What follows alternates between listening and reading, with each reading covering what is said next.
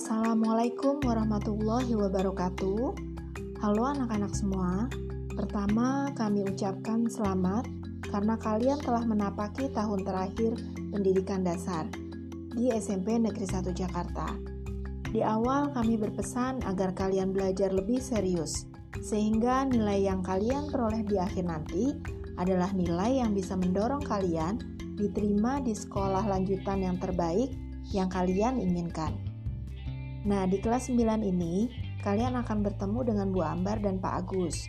Kami akan mengajar bersamaan meskipun di kelas yang berbeda.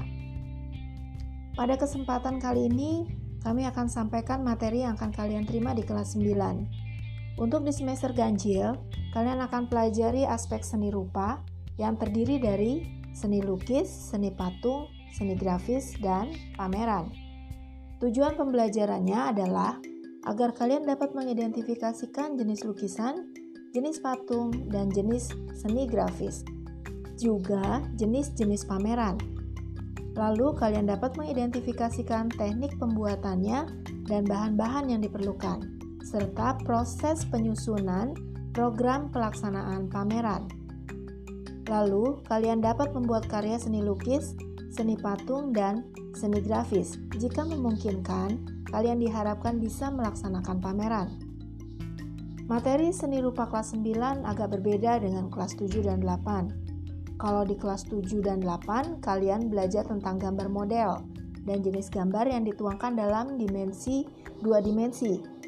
Di kelas 9 ini, kalian akan mengenal lukisan dua dimensi yang dibuat berdasarkan aliran dan gaya lukisan, serta penerapannya pada media tiga dimensi yaitu patung. Kalian bisa pelajari melalui link yang telah diberikan di kelas masing-masing.